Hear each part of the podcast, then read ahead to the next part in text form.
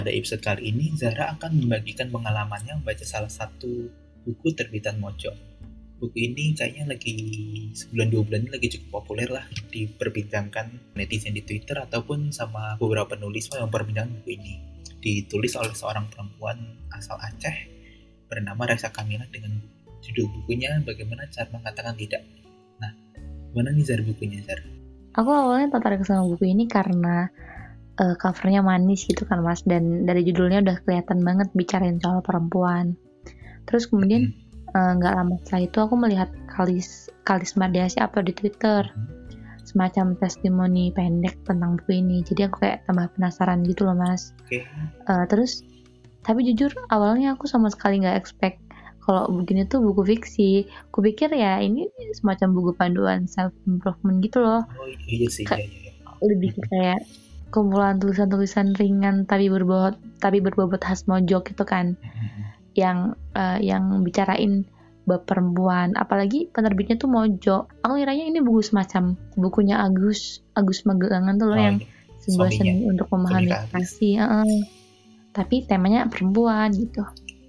Terus kemudian aku ke toko buku baca tuh bag bagian belakang covernya. Eh taunya ini ternyata buku kumcer gitu waktu kamu bilang gitu aku ingat beberapa buku fiksi atau buku sastra yang yang juga menyamar dengan judul-judul buku panduan kayak kiat suksesan oh iya ya iya itu kayak kiat sukses hancur leburnya uh, Martin Sureja atau buku puisinya teori Teoresia Rumte yang judulnya cara-cara tidak kreatif untuk mencintai kan itu kayak oke okay, ini buku, hmm. sebuah buku panduan gitu iya, mirip iya. ya nah jadi setelah kamu tahu itu bukan buku self improvement melainkan buku kumcer nah kamu rasa salah beli nggak nih?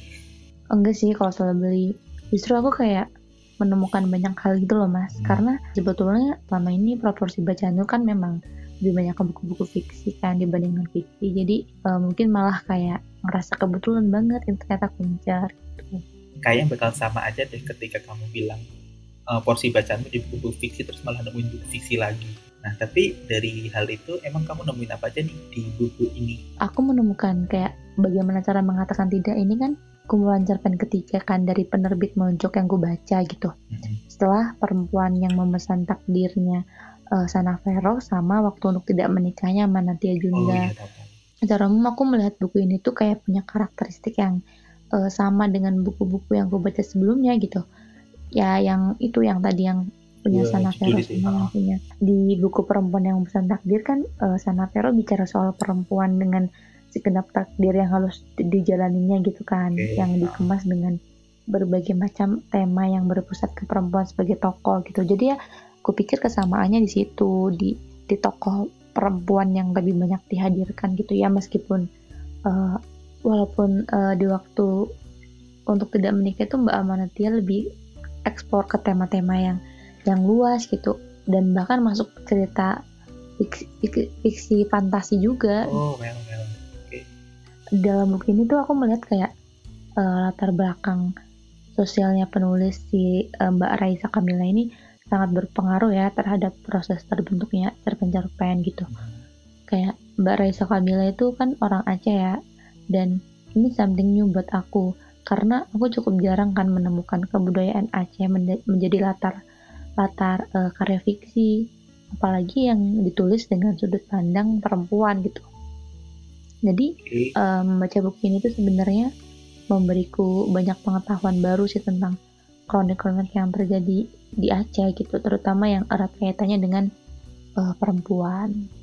Hmm, biasanya kalau dalam sebuah cerpen itu kan kayak selalu mempunyai sebuah benang merah. Nah, emang cerpen-cerpen dalam cerpen-cerpen Raisa Kamila ini secara umum itu atau benang merahnya itu bagaimana sih?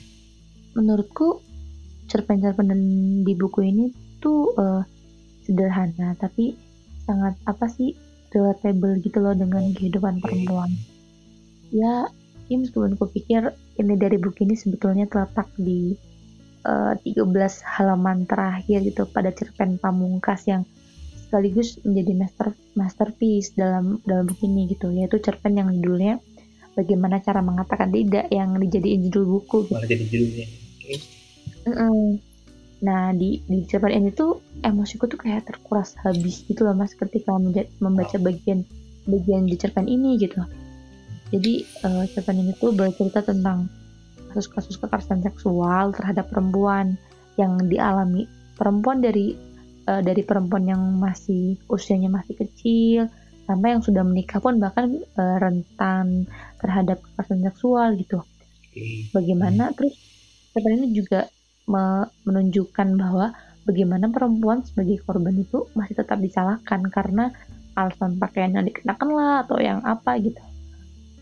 Nah, aku kayak melihat gitu loh bagaimana perempuan begitu tidak berdaya bahkan untuk sekedar memberontak gitu.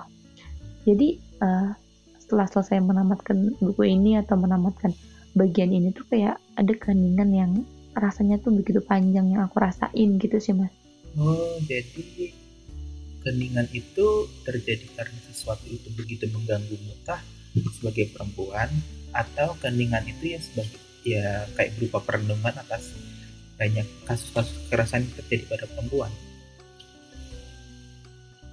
Uh, secara subjektif narasi-narasi di buku ini tentu mengganggu dalam arti uh, dia berhasil menyentuh sisi keperempuananku gitu kan. Okay, uh. Wacana-wacana yang diangkat seperti seperti apa ya wujud lain dari dari kemarahanku selama ini gitu. Oh, Tapi uh, kalau yang dimaksud mengganggu itu mengganggu dari sudut pembaca itu uh, ada beberapa hal teknis yang ya bukan mengganggu sih tapi lebih ke usayangkan gitu loh. Seperti apa kan? Uh, di cerpen berjudul mati lampu yang ditempatkan sebagai pembuka dalam buku ini. Hmm uh, aku merasa cerpen tersebut kurang nampol gitu loh padahal ada dia tuh kurang nampol untuk dijadikan sebuah pembuka gitu padahal ada banyak cerpen lain yang yang lebih bagus kayak peri gigi atau cerita hmm. dari belakang wihara. Aku tuh kayak bertanya-tanya gitu loh mas kenapa nggak menempatkannya itu? Kenapa dia menempatkan cerpen mati lampu ini? Gitu. Lah emang cerpen mati lampu ini menceritakan tentang apa sih? Kok kenapa dia jadi kurang nampol jadi, gitu buatmu? Jadi kayak di cerpen mata lampu ini tuh kan digambarkan gitu.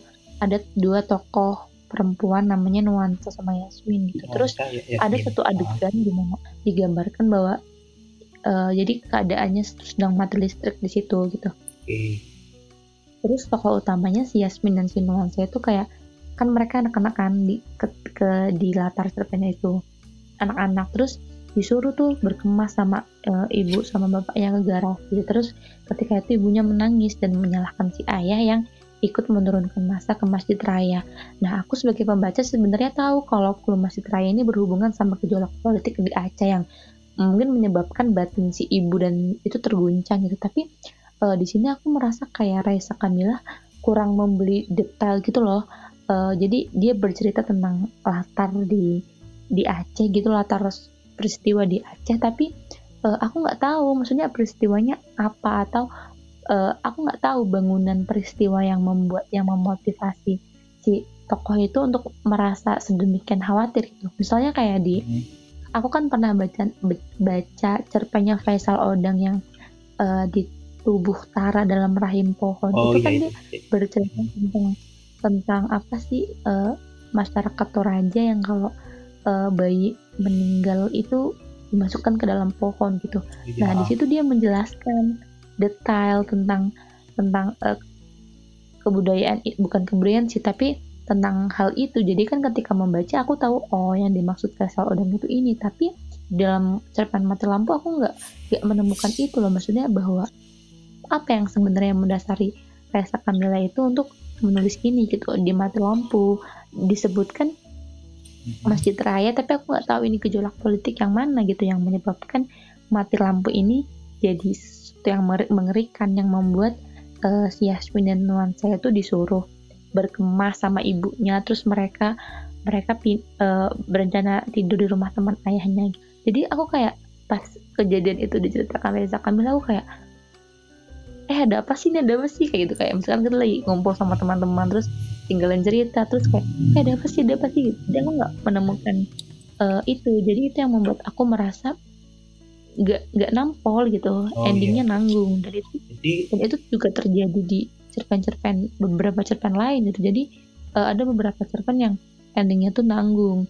Mungkin uh, sebenarnya Mbak Raisa Kamila itu pengen ya mas kayak hmm. bikin ending yang membuat pembaca ke-trigger. Kan sekarang lagi uh, marak lagi populer ya di di dunia sastra Indonesia ending-ending yang bikin ke-trigger yang yang memicu yang apa sih twist gitu.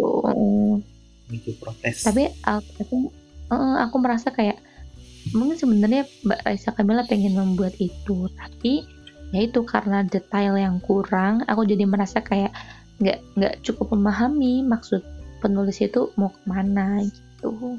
Jadi cerpen-cerpennya Raisa, Raisa Kamila ini lebih masih terkesan malu-malu ya atas atas banyak tema tema-tema besar yang ada di cerpen tersebut itu ya.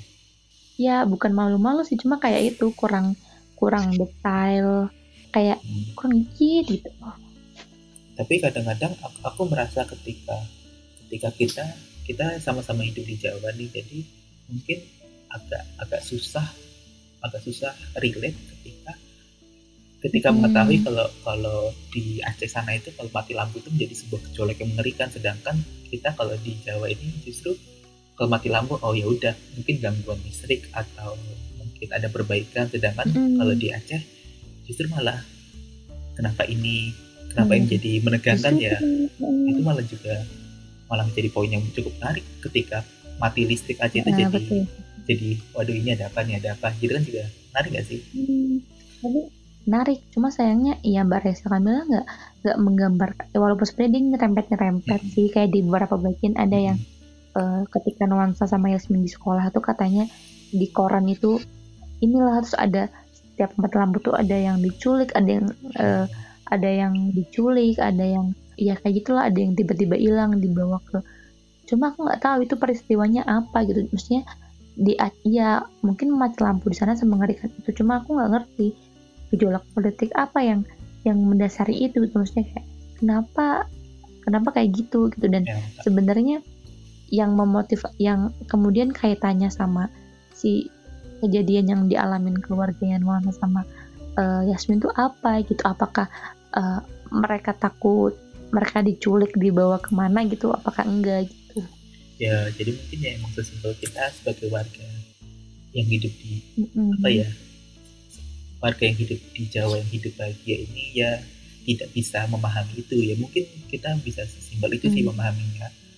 Oke nih kita beralih. Biasanya ini jadi pertanyaan yang cukup cukup sering ditanya kalau kita bahas kalau coba baca podcast ini membahas kuncer uh, tiga besar cerpen favorit itu apa nih? Yang pertama jelas cerpen yang aku suka di buku ini tuh ya yang judulnya uh, bagaimana cara mengatakan tidak.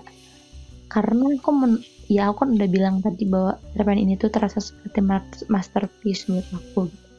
Sedangkan cerpen-cerpen lain itu uh, lebih terasa seperti pemanis meskipun aku juga suka beberapa cerpen lain seperti perigi gitu. Di cerpen perigi Raisa Kamil itu menggunakan sudut pandang seorang anak perempuan yang masih kecil gitu.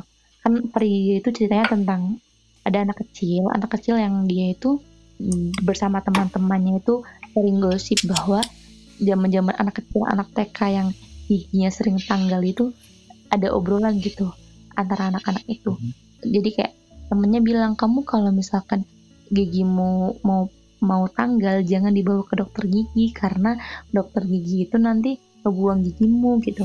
Ke tong sampah.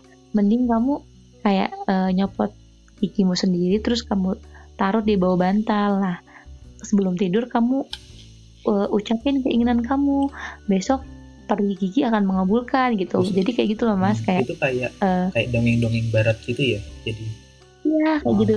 dan itu menarik karena Raisa Kamila mempergunakan sudut pandang anak, anak kecil yang lugu yang manis gitu. Jadi ceritanya si tokoh ini ngelihat temennya tasnya itu antik gitu loh mas. Jadi nggak ada di toko tas gitu. Terus yeah. ternyata tas itu tuh adalah tas yang dia minta di pergi terus ada temennya lain yang uh, pengen sepatu gitu. Terus ternyata ternyata uh, pagi-paginya dia dapat sepatu yang itu tuh nggak ada di toko gitu. Terus dia berpikir oh aku selama ini menginginkan sosok seorang ayah. Jadi uh, aku bisa tuh minta ayah ke pergi. Dan suatu hmm, itu yang bikin aku kayak tersayat dulu kayak kejujuran seorang anak kecil keluguannya gitu.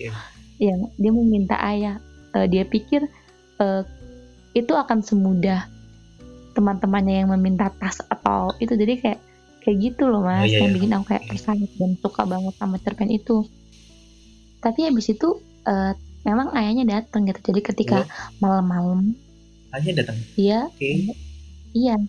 Jadi dia dia itu uh, malam-malamnya tuh habis nyopot gigi diem-diem gitu kan. Hmm. dia kan nyopot gigi diem-diem karena takut dibawa dibawa ke toko eh ke toko ke dokter gigi sama ibunya iya, gitu. iya. jadi dia uh, nyopot giginya di di kamar mandi diem-diem terus di ditaruh di bawah bantal terus dia berdoa gitu uh, sem semoga besok uh, saya punya ayah gitu Aduh. dan ternyata memang Aduh, besok paginya itu keren. Uh, si ayahnya itu beneran. Si ayahnya itu mm, beneran ketuk pintu dan itu beneran uh, mantan suaminya si ibunya itu. Lah tapi emang sebelumnya ayahnya ke mana itu? Diceritain nggak? Iya, nggak nggak diceritain itu. Cuma di bagian akhir uh, kayak jadi kayak kan pagi-pagi tuh pagi-pagi hmm. ayahnya ada. Terus uh, setelah dia ke sekolah pulang ternyata ayahnya udah nggak ada lagi dan dia melihat ibunya menangis gitu. Sampai dia sampai dia endingnya tuh bilang kayak gini rasanya aku ingin kembali mencopot gigiku. Itu yang bikin aku nyis gitu loh. Itu itu ngeret itu print tapi kalau misalnya misalkan aja ya kalau misalnya ayahnya itu mm -hmm. adalah pelaku KDRT yang mungkin anaknya selama ini nggak tahu. Sedangkan dengan ibu anaknya itu meminta meminta meminta seorang ayah. Sedangkan ibunya itu tidak menginginkan ayah itu kan mungkin akan lebih lebih, lebih seru gitu ya. lebih sedih lagi itu. Well but, terus emang kalau dalam cerpen bagaimana cara mengatakan tidak yang dari tadi kau bilang masterpiece itu gimana?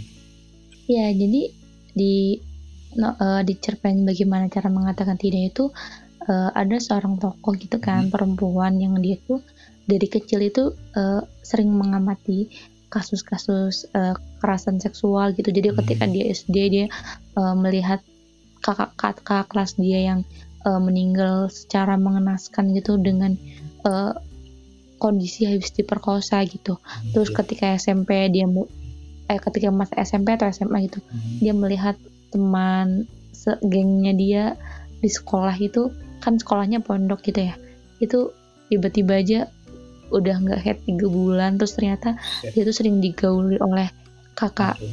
kakak tingkatnya dia gitu yeah. tapi dia sendiri eh, nggak uh, bisa nolak gitu dan segala macam terus mm. si tokoh utamanya tuh kayak dari kecil sering di, dikasih pemahaman bahwa kamu harus berpakaian yang sopan gitu supaya tidak terkena kekerasan seksual dan segala hmm. macem gitu. Okay.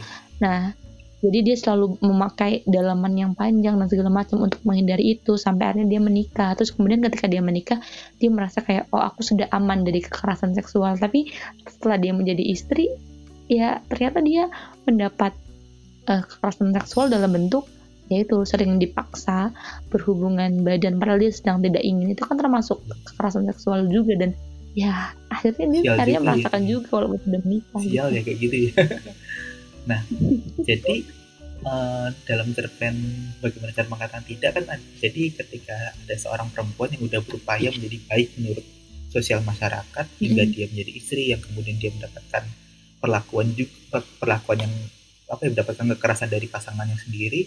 Jadi menurutmu dalam cerpen ini bagaimana cara mengatakan tidak? Uh, dalam dalam cerpen ini sebenarnya tokoh utama si perempuan itu punya banyak kesempatan mengatakan tidak, namun kesempatan itu tidak bisa diambil karena ketidakberdayaannya. Jadi e, cara mengatakan tidak itu ya dengan mengatakan tidak